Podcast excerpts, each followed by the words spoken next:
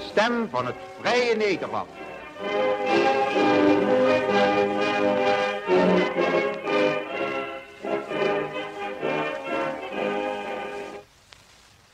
Dames en heren, van harte welkom bij de vierde aflevering van Nederlander blijven.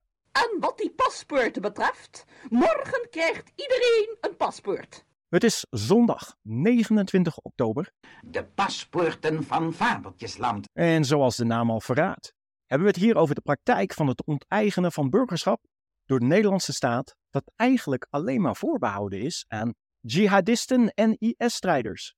Maar ook Nederlanders die in het buitenland niet op tijd hun paspoort vernieuwen en diegenen die hun tweede nationaliteit verwerven of daarmee zijn geboren. En wij? Hop, geen paspoorten meer over, sorry. Mijn naam is Dan Lar en vanuit Colorado presenteer ik samen met mijn co-host Rob Koenen in Brooklyn, New York. Ja, Denno, Rob hier uit, Brooklyn. Je, je trapt hem lekker scherp erin. Eh, ja, het is wel zo. We hebben met verschillende legal experts het hier eens over gehad. Over hoe bizar het is dat aan de ene kant eh in feite dezelfde straf staat op eh, ja, terrorisme. Maar ook op het hebben van een tweede nationaliteit. Het komt op hetzelfde neer. Je burgerschap wordt ontnomen. Vooral bij het hebben van een dubbele nationaliteit wordt die direct ontnomen. Bij terrorisme is het nog maar de vraag. Maar er gebeuren ook heel veel positieve dingen. Eh, we hebben verschillende mensen gesproken onderhand. Die eh, de band met Nederland heel erg eh, toelichten. En, en gewoon er verbaasd over zijn dat het zomaar kan. Eh, we hebben het gehad over hoe uniek het is dat het land dit zomaar doet. Want het zijn niet veel andere landen die er zo in staan. Eh, maar er lijkt beweging te zijn. De verkiezingen komen eraan. Rutte is weg. Er is een nieuw elan. Er zijn nieuwe partijen. En er is niemand anders die daar een helder verhaal over kan vertellen dan die, eh, die OG, de Nestor van de dubbele nationaliteitsbeweging. En dat is Elko Kei uit. Ik denk dat je in New York zit, Elko. Of Klopt, New York. Jazeker. in New York, toch wel. Om de hoek. Hoe sta jij hierin, eh, Elko? Dit is, een, dit is een strijd die al twaalf jaar gaande is. Ik bedoel, ik ben zelf kandidaat Kamerlid voor D66, maar wat ik ook helder maakte tijdens het gesprek in de aanloop daar naartoe, eh, die campagne van mij loopt echt niet tot 22 november. Die loopt al twaalf jaar en die gaat op 23 november ook gewoon door. Dit is een, voor mij is het heel belangrijk om op de lijst te staan, voor de zichtbaarheid. Niet zozeer voor mij, maar voor al die Nederlanders in het buitenland. En in die zin vind ik het ook jammer dat van de gevestigde partijen niemand, geen enkele partij, een Nederlander in het buitenland op de lijst heeft. Gelukkig nieuw sociaal contract wel. Maar van de gevestigde partijen niemand. En dat geeft eigenlijk aan dat we nog een lange weg te gaan hebben. Dus wat mij betreft zijn we hier nog even mee bezig. En denk je dat de beweging in zit in, deze keer vergeleken met alle vorige kabinetten nu dat ja, Rutte eh, weg is? Ik heb zelden zo'n grote buitenkans gezien dat er beweging zou kunnen gaan gebeuren. Maar het hangt heel erg van de verkiezingsuitslag af. Dus het is nog te vroeg om te juichen. Maar ik ben wel erg op mijn kivier. Ik ben erg alert. Eh, eh, zo'n opportunity als nu komt niet vaak voorbij. Ik heb eens eh, gesproken met eh, Eva Ersebul. En die is eh, in Denemarken was betrokken bij het Deense Instituut voor de Mensenrechten. Dat uitgebreid in kaart heeft gebracht hoe ze nou in Denemarken eigenlijk vanuit de situatie zijn gegaan zoals we nu nog in Nederland hebben. Een verbod op dat Denen twee nationaliteiten mochten krijgen. Zij is in 2000, ik geloof 15, toch overgestapt op een wetgeving zoals nu is voorgesteld door eh, D66 en PvdA GroenLinks. Van maak het nou gewoon mogelijk.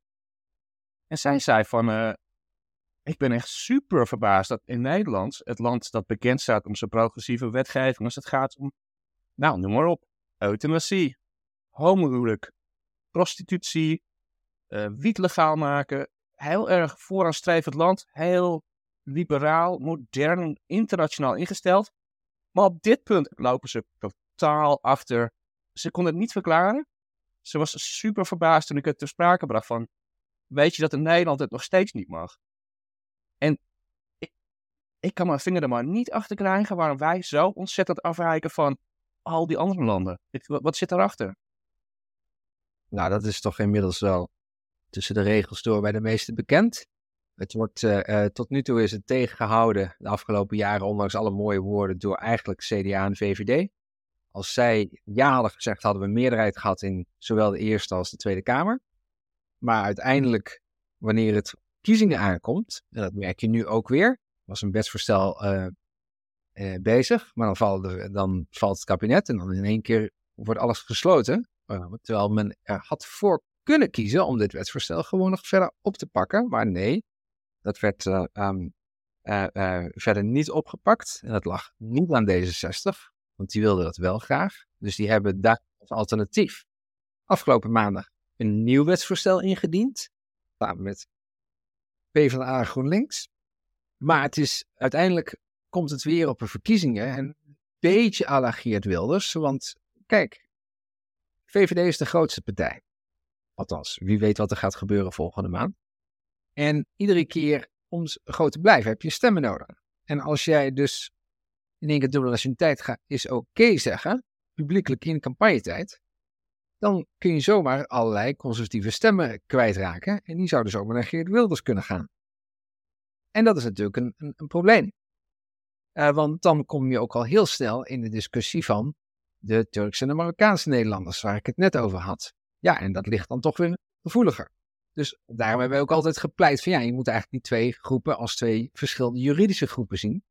Nederlanders die in Nederland zijn, naar Nederland komen, dat zijn heel anders dan Nederland die in het buitenland zijn en naar, buiten, naar het buitenland gaan. Maar goed, eh, even dat terzijde. Het komt dus neer, we verliezen telkens op de verkiezingen, want om electorale redenen kiest een partij als CDA en VVD dan tot nu toe, hè, want ik bedoel, eh, eh, wie weet met nieuwe verkiezingen, wie weet zeggen ze volgende maand iets heel anders. Hebben, dat kan. Ik bedoel, alles is opgeschud. Dus ik, eh, ik ben me zeer van bewust dat ik nu in het verleden spreek. Misschien, hoop ook. Ehm, maar tot nu toe is het tegenhouden vanwege electorale redenen door die twee partijen. En dat is jammer. Ehm, maar voor ons geldt, joh, laten we weer om de tafel gaan zitten. Want nieuwe ronde, nieuwe kansen. Er is heel veel opgeschud in Politiek Den Haag. Um, we zijn meer met 100.000 geregistreerden. Ben ik heel blij dat um, de meeste gevestigde partijen, dus ook CDA, ook VVD, heel open een gesprek met ons zijn aangegaan op video. Dat staat op de website van de SNBN. En dat is heel bemoedigend. Nogmaals, ik wil geen. Uh, ik wil niet de toekomst ingaan op basis van wat ze in het verleden hebben gezegd. Want partijen kunnen van standpunten veranderen. Dat is prima. En ik hoop dat ze dat dit keer doen. En dat ze het ook echt menen. En dat ze niet als puntje bij paaltje komt, dat ze zeggen, ja, we vinden het electoraal toch te gevaarlijk, dus we gaan de, zaak traineren of uh, we gaan het tegenhouden. Dat ze echt zeggen van, nee, nu regelen het gewoon. Zelfs in Duitsland, waar, um, waar men nu bezig is om dat te regelen, uh, hè, dat is onze grote broer. In Denemarken, je noemt het zelf al, Noorwegen, België, het zijn allemaal landen in onze buurt die overstag zijn gegaan. En toegegeven, niet allemaal dat ze per se staan te juichen om uh, om die dubbele nationaliteit. Maar ook gewoon puur praktisch. Ze snappen, dit is van deze tijd. Waarom gaan we strijden tegen iets wat eigenlijk al lang gaande is? Wat willen we mee? We kunnen onze aandacht wel op betere dingen vestigen. Dus laten we dit nou maar gewoon omarmen. En dan schrijf ik precies op wie er een paspoort heeft gekregen. Ilko, we weten van uh, D66, PvdA natuurlijk voor, VVD, CD, CDA uh, tot nu toe tegen. Maar we hebben nu ontzettend grote nieuwkomers, de BBB en een nieuw sociaal contract. Um, wat is jouw inzicht in uh, die nieuwe bewegingen? Nou, heel interessant vond ik dat Caroline van der Plas van de BBB, zij was de allereerste, echt waar, ze was de allereerste die in een video oproep um, op Twitter van zich liet horen en zei, Nederlanders in het buitenland, ik kan gestemd worden van het buitenland. Dus vooral registreren. Ze was echt de eerste. Als nieuwkomer, hè? Dat vind ik toch wel heel... Ja, vind ik heel stoer. Dat hebben we ook in de nieuwsbrief neergezet. Daar hebben we er een pluim voor gegeven. Kijk, um, Caroline van der Plas heeft een Ierse moeder en een Nederlandse vader. Dus je hoeft haar niet uit te leggen wat het tweetalig, tweecultureel opvoeden, opgroeien betekent. De vraag is wel of uh, met de achterban die zij uh, probeert te vertegenwoordigen. En die toch meer in de conservatieve hoek ligt. Of dit een punt is waarop ze dit ook mee kan nemen. Dus dat weten we nog niet. En we hebben daar ook geen uitspraken over. Dus dat, dat is, het is onbewezen. We hebben niks ook in het verleden dat we zeggen van te steeghouden. Absoluut niet. Uh, weten dus wel dat de voorvrouw, ja, die, die zou er begrip voor moeten hebben. Gewoon puur uit haar persoonlijke, um, vanuit persoonlijke herkomst en opvoeding. Maar uh, um, we, zullen het zien. Ik, ik, ik verwacht niet dat echt een, een, een eh, proactieve houding hier van deze partij, maar misschien dat ze ook niet dwars gaan liggen als er een wetsvoorstel langskomt. En van de VVD, Dylan Jezelgus. Nou, een paar overwegingen. Eén, voor wat ik heb begrepen, is dat zij inderdaad zelf de dubbele nationaliteit heeft. Al kan het zijn dat ze de Turkse aan het proberen is om op te geven. Um, maar niettemin, ook al ben je dan van je paspoort af, als dat zou lukken, ja, dan ben je nog steeds in twee culturen opgegroeid en opgevoed. En dus ja, ik, het begrip zal er zeker zijn op persoonlijk vlak, daar twijfel ik niet aan. Uh, de VVD is wel een partij die, uh, uh, nou ja, ze, dit is mijn persoonlijke mening, maar zij, zij hebben het kabinet laten struikelen, bewust, op het thema migratie zodat ze hier zich op nu kunnen profileren. Uiteindelijk gaat de campagne weer over iets heel iets anders, maar dat is een, dat is een bijzaak. Um, migratie, streng.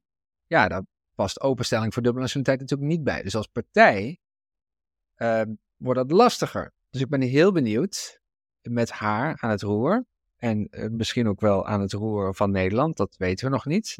Dat zullen we over een maand weten, vermoedelijk.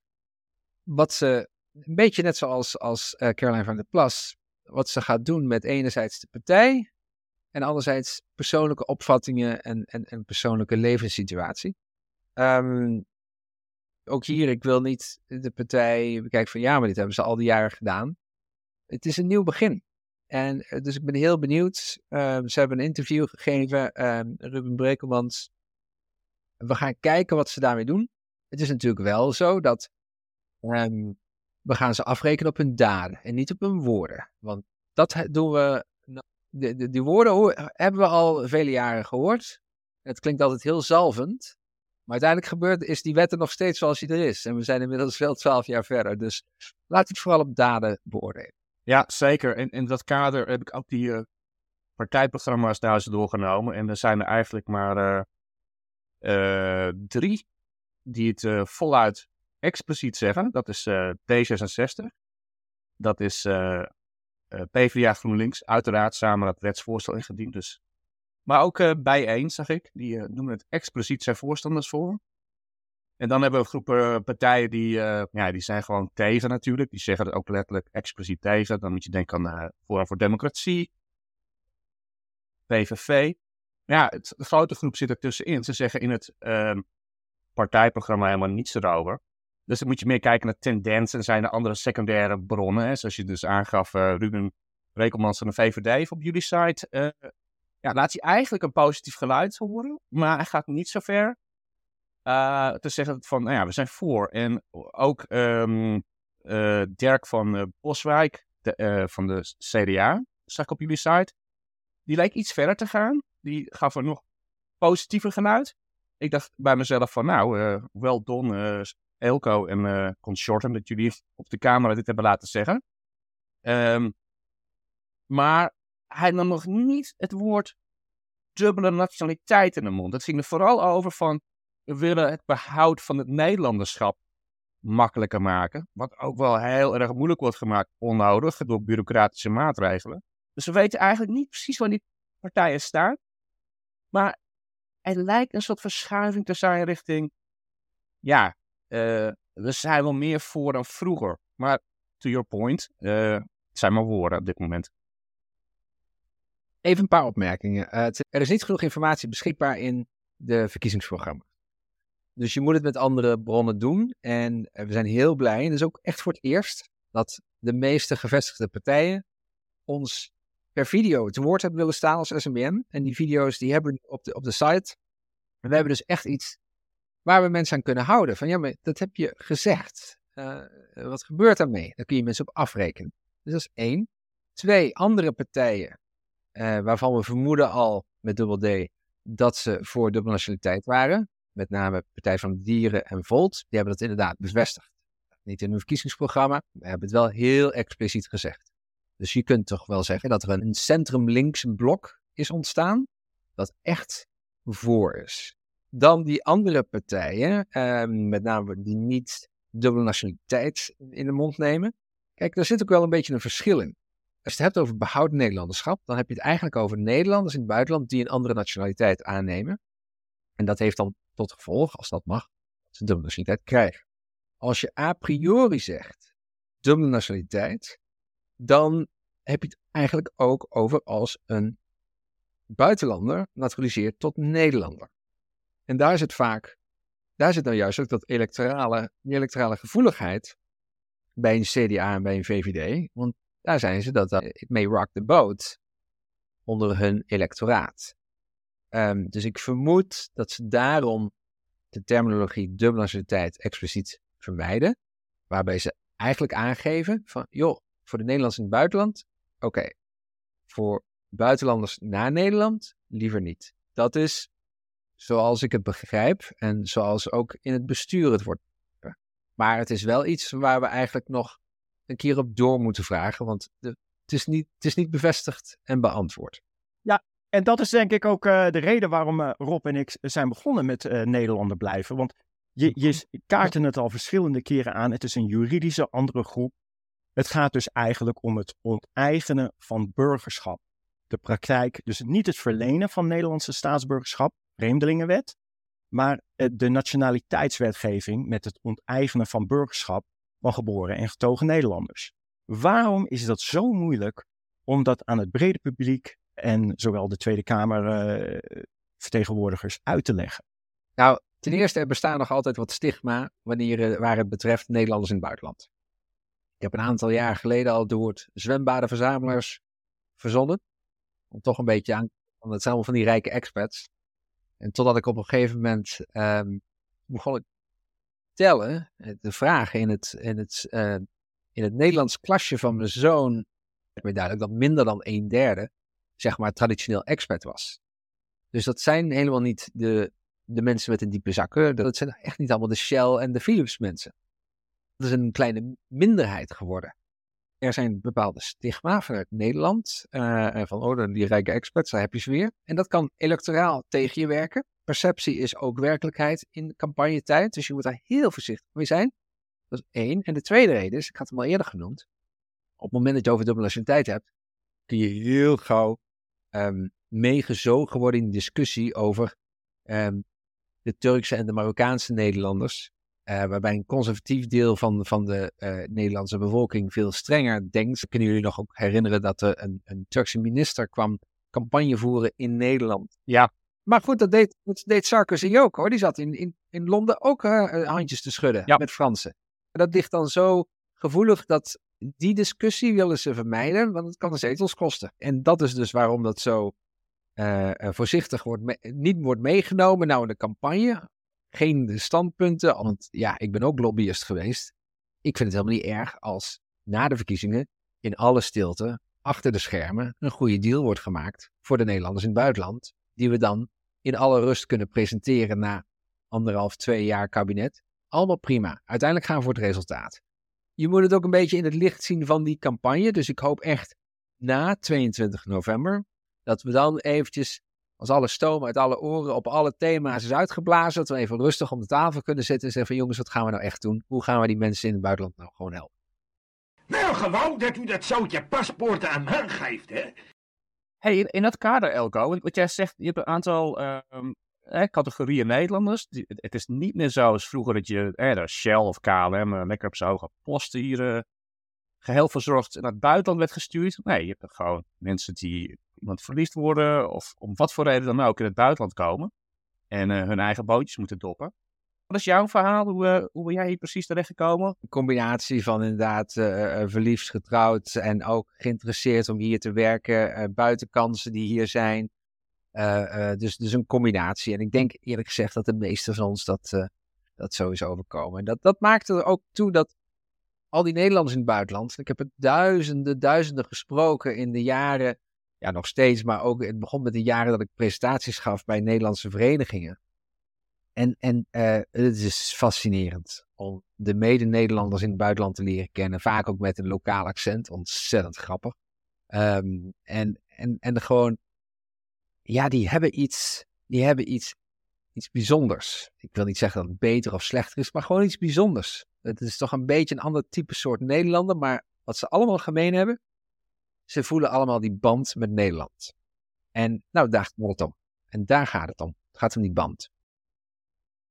Het is interessant dat je dat zegt trouwens, want dat is een eh, terugkerend fenomeen. Dat, eh, eh, Jeff Kiesbury begon erover, Willem Meiners de vorige keer. Jij zegt hetzelfde. Ehm, en als we dan kijken naar letterlijk de wetgeving en, en ook de, het politieke discours vaak in Nederland, dan gaat het over ja, of je wel of geen band hebt. Als je geen band met Nederland hebt. Ik weet me heel goed herinneren hoe- van de CDA notabene. Het was uh, Madeleine van Torenburg. Zelf nooit de grens over geweest, als je het mij vraagt. Die stellig beweren dat eh, wij geen band meer met Nederland zouden hebben. En dat was reden genoeg voor haar om tegen de dubbele nationaliteit te stemmen. Ik vond het een vreemde uitspraak. Hoe zie jij dat? Die, die band, is dat nou meetbaar? Of is het een terugkerend fenomeen bij andere Nederlanders die je spreekt? Die ook zeggen, hoe kan het nou dat ze vinden dat wij geen band hebben? Of... Het is een heel vluchtig begrip. Nou, over Madeleine van Torenburg. Het is bekend dat zij inderdaad fervent tegenstander was. Ik eh, denk dat ze heus wel in het buitenland is geweest. Eh, ehm, maar op dit punt verschilden we inderdaad heel erg van mening. Waarschijnlijk nog steeds. Het is zo dat een band eigenlijk ontzettend lastig vast te stellen is. Je, want je moet, daarin moet je keuzes maken. En, en we zien dat een, een land als Portugal, ze hadden verschillende criteria. Bijvoorbeeld, je moet er nog familie hebben, je moet de taal spreken. eh, eh, je moet er misschien nog onroerend goed hebben, je moet er nog vaak op bezoek gaan. Ze hadden een aantal criteria en als je aan nou, drie van de vijf criteria voldeed, dan was dat een voldoende vaststelling van een band met Portugal. Maar goed, ik, en, en ik zou heel graag dat iemand onderzoek deed naar hoe andere landen hun band vaststellen. Mochten ze die criteria hebben opgesteld. Van Portugal weet ik het dan. Dus het kan voor sommige landen. Of het voor Nederland kan. Ja, dat is, het is een beleidsdiscussie. En daar moet je keuzes in maken. Eh, maar persoonlijk zou ik die discussie erg graag aangaan. En die, de, die geen willekeur of machtsmisbruik toelaat. Dat is natuurlijk waar een beetje bang voor zijn als je met dit soort quote-quote vage criteria op komt zetten. Dat je dat, ja. Leuk dat je dat aansnijdt trouwens. Want, kijk, ik weet heel toevallig, ik, eh, ik, ik heb wat eh, vrienden in uh, Medellin, uh, Colombia. En als je doorvraagt, zeggen ze eigenlijk allemaal van ja, we zijn eigenlijk Joods, hè, Sephardische Joden. Maar binnen Colombia wordt dat niet gezegd, want we zijn allemaal katholiek. En dat hadden we in Nederland ook, hè, want de Portugees-Joodse gemeente in Amsterdam, die crypto-Joden waren eigenlijk in die tijd, verplicht uh, christelijk gemaakt, Portugal uitgejaagd.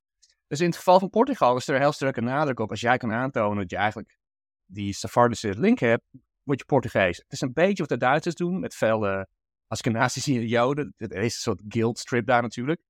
Uh, er gaan stemmen op momenteel eigenlijk in Portugal om dat dicht te gooien, maar dat, ze zijn er heel makkelijk mee. Maar als we dat eens even omdraaien in Nederland, waar we altijd hè, voor de zorgvuldigheid kiezen. Je moet je registreren bij de gemeente, dat soort zaken. Dat doen we allemaal niet in Londen en New York. Dat vinden ze in Nederland heel belangrijk. Maar tegelijkertijd is het toch willekeur. Want wat we weten, voor het geval van Denno bijvoorbeeld, die op grond van de, de, de Champions-wetgeving heeft gezegd, nou ja, die hebben mijn Nederlanderschap afgenomen, maar ook mijn Europese burgerschap. En dat, dat gaat niet zomaar. Er moet een manier zijn om dat terug te krijgen. We hebben inmiddels uh, Marieke Tjebbers is gesproken. Die zei, ja, ze hebben in Nederland die wetgeving namelijk vernoemd. Maar toen ik mijn Nederlanderschap terug wou krijgen, kwam ik niet door mijn eigen toets heen. Ik ben gefaald voor het Tjebbers toets. Nou, toen zijn we eens gaan verder gaan vragen van, uh, goh, wat zijn de getallen eigenlijk? En wat blijkt dat uh, minder dan 4%, namelijk 96,2% van alle Tjebbers cases door Nederland worden tegengehouden. Dus een goede 3% haalt het. Laten we het afronden naar 4, maar het is, het is niet 4. Ja, dan heb ik toch zoiets van.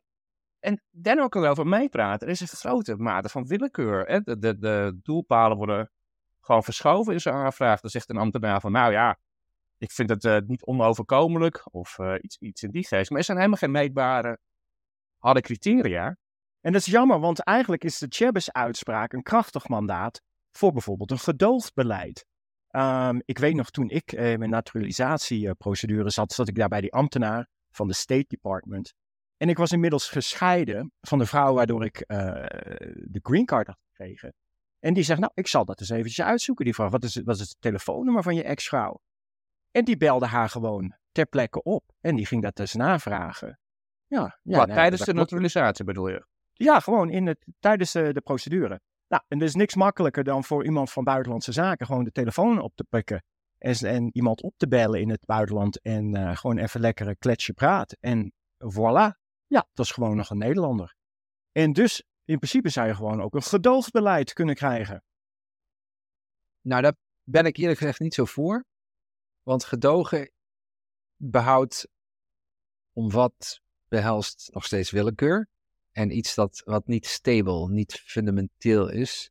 Uh, tenzij het over lange tijd dan houdt, maar dan nog. Nee, en ook Chabas. Kijk, dat zijn rechtersambtenaren die volgen de wet. Die wet is eh, restrictief. En, en, ze kijken van hoe de uitspraken natuurlijk ook van politiek, restrictief. En, en ja, dan spreek ik met de advocaat zeg van ja, Chabas dat werkt gewoon niet in de praktijk. Dus we moeten gewoon de wet veranderen. We moeten geen gedoogbeleid, we moeten gewoon positieve wet neerzetten die zegt van nou, nu kan het wel in deze gevallen. En dat het duidelijk over is. En dat iedereen daar aanspraak op kan maken. Dat iedereen daar, daarover naar de rechter kan gaan als het niet goed gaat. Dat iedereen daarover tijdig wordt ge, uh, gewaarschuwd. Nee, wij vechten echt als, als Stichting Nederlands Buiten Nederland voor die wetswijziging. En dat is de meest eerlijke oplossing voor iedereen. En bovendien ook wat dus, herhaal het toch maar even, wat andere landen om ons heen ook al doen.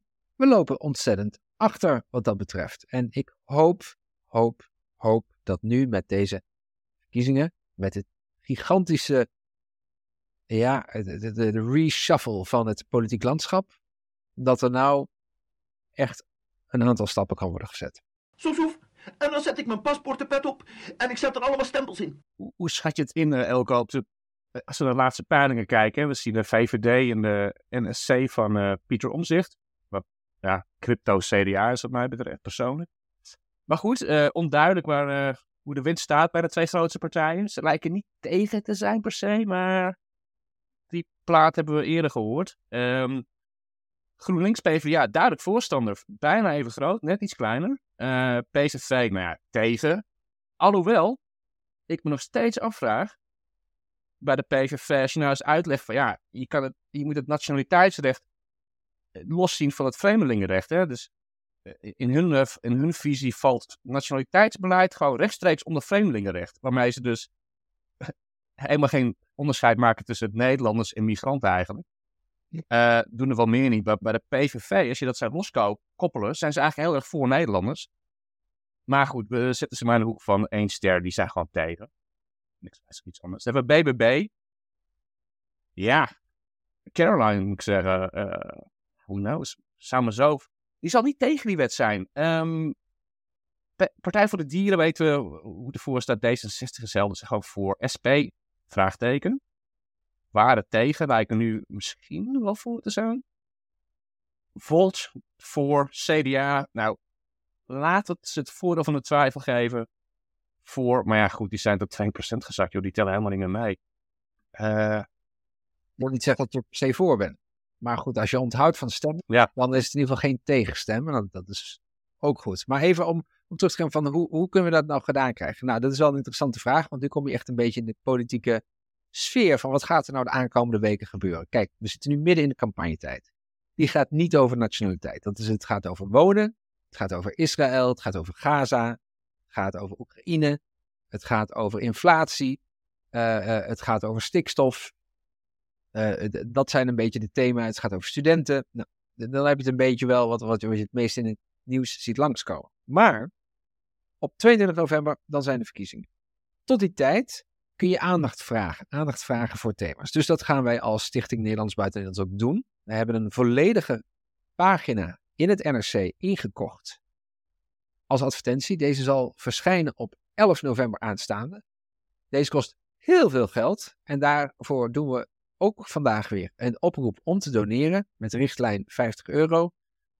Want hierbij, door deze advertentie, gaan wij aandacht vragen aan al die nieuwe politici, aan al die nieuwe ministers, aan de nieuwe regering die nog gevormd moet worden. Van jongens, de nationaliteit of behoud Nederlanderschap, laat het nou gaan. En ik moet jullie daarin ook deels dankbaar zijn, want uh, een quote uh, die we hoorden in een eerdere podcast van jullie, zullen we daarin meenemen. Volgens mij was het Denno. Volgens mij was het Denno die op een gegeven moment zei: die een vergelijking maakte met een pak karnemelk. Van een, een en Een dat houdbaarheidsdatum. Een houdbaarheidsdatum. En dat, om dat woord zal onze advertentie draaien. Er mag geen houdbaarheidsdatum zijn aan het Nederlanderschap. Dus, eh ehm, eh, eh, dus eh, ere wie ere toekomt. Ehm, dus, dus dat is één. En dan gaan we, want wat, waarom doen we dit? Niet alleen voor dat ene moment. Nee, om dan te zeggen van we willen het regeerakkoord krijgen. En dat betekent dus dat een, een Timmermans, want die komt ongetwijfeld aan een coalitietafel. Hij moet het dan wel meenemen. Hij moet er dan wel nou, een soort van chefzag ervan maken. Van nou hoor jullie willen, eh, ehm, weet ik het wat, regel 1 afschaffen. Maar wij willen deze regel 2 invoeren. Eh, kunnen we hier een deal van maken? Zoiets. Maar het moet meegenomen worden in de regeerakkoord onderhandeling. Dat is ons doel. En, en daar gaan we voor. Ehm, en wat dus belangrijk is om te melden, dat dit een hele belangrijke periode is. Dit is als lobbyist, dit is de meest precaire, meest belangrijke periode om nu van je te laten horen. En vandaar deze advertentie en vandaar ook de oproep aan iedereen. Ga naar de SNBN-site, klik op doneren en help ons om deze enorme publieke aandachtstrekker te financieren. Want het meeste doen we echt achter de schermen. En we hebben heel veel bereikt. Digitalisering van DigiD, COVID-restricties eh, eh, opheffen. We hebben zelfs een grondwetswijziging eh, teweeg kunnen brengen, zodat we kunnen stemmen voor, voor de Senaat. We hebben ehm, D66 is op ons, eh, eh, ehm, op ons in- initiatief een, een nieuwe wet aan het voorbereiden dat mensen een eigen Nederlandse bankrekening kunnen behouden vanuit Nederland. Het meeste of vanuit het buitenland. Eh, eh, maar het meeste doen we dus achter de schermen. Af en toe laten we echt van ons horen. En op 11 november aanstaande, dan laten we van ons horen. Dan komt die pagina grote advertentie in het NRC. En dan gaan we iedereen oproepen, alle politici, alle nieuwe politici, de nieuwe regering, van nou is het klaar. We mo- moeten gewoon het Nederlanderschap kunnen behouden. Daar mag geen houdbaarheidsdatum aanzetten. En over ere wie ere toekomt, eh, want dit is dus echt, eh, eh, dat eh, wilde ik echt graag vermelden. Ehm, we hebben het al eerder een beetje achter de schermen hierover gehad, maar over Nederlander blijven. Ehm, als ik daar heel even op in mag gaan. 2011 heb ik samen met een aantal andere Nederlanders van verschillende politieke partijen een debat opgezet. Hier op de Nederland Club in New York. En dat ging over dubbele nationaliteit. En waarom? Omdat toen Wilders, die wilde de uitzonderingen die nu nog bestaan, die wilde hij afschaffen. Oftewel, hij wilde het nog strenger maken. En toen ben ik in het geweer gekomen. Toen zijn we als groep in het geweer gekomen. En wij noemden ons Nederlander. Daar is die naam vandaan gekomen. Daar is die website vandaan gekomen. En die groep heeft vervolgens een petitie opgezet. En dat was de allereerste petitie in de geschiedenis van Nederland. die meer dan 25.000 handtekeningen van Nederlanders buiten Nederland heeft opgeleverd. En dat, nou, je kunt het nu nog googlen. De pers vloog erop. eh, van links tot rechts. Het was ongekend. En dat was eigenlijk het begin het ontluiken van de erkenning en herkenning, en ook van zichzelf, van het Nederlands electoraat in het buitenland. En, en, en dat is nu alleen maar aan het groeien. En, maar dat is dus begonnen met de beweging Nederlander blijven. En toen werd het een tijdje een soort van eenmansactie door mij. En ik heb toen heel goed eh, afgekeken bij andere landen. En toen ben ik op het idee gekomen om een belangenorganisatie op te richten. Want stel dat ik morgen onder de tram kom, dan wil ik toch dat het gewoon doorgaat. En nu staan we dus als SNBN eh, trots als belangenorganisatie voor Nederlanders in het buitenland, waarbij ons bestuur heel strategisch is ingedeeld. De meeste van onze bestuursleden zijn lid van een politieke partij, maar allemaal van een verschillende politieke partij, zodat we, zodat we als body, als organisatie zijn politiek neutraal, maar we hebben wel heel veel politiek contact met politici en we hebben snel toegang en ingang. En precies die methode, die heeft tot die resultaten geleid die ik net noemde. DigiD, COVID, grondwetswijziging, initiatief, eh, behoud bankrekening in het Nederland. En op basis van deze structuur hopen we nou ook in de aankomende jaren dubbele nationaliteit tot de realiteit te laten komen. Ik heb de paspoorten gemaakt. Hier liggen ze. Ik heb ze ook ondersnaveld. Dus ik reik ze uit en daarmee basta. Maar dit is administratief gezien onjuist. Ehm, kijk, dit wetsvoorstel dat, eh, dat nou is ingediend, ziet ook op het terugkrijgen van het Nederlanderschap van onvrijwillige oud-Nederlanders, zoals jij, Denno. Dus ehm, eh, we hopen vanuit mijn partij, maar ook vanuit PvdA en GroenLinks, we hopen dat je weer snel van de partij kunt zijn, de Nederlandse partij. Daar Geweldig. het voorstel op. Ja, dan, en je, je kunt inderdaad niet stemmen. Je kunt niet op mij stemmen, je kunt niet op iemand anders stemmen. Dat is ontzettend jammer. Maar we hopen dat recht te kunnen zetten. De stem van het Vrije Nederland.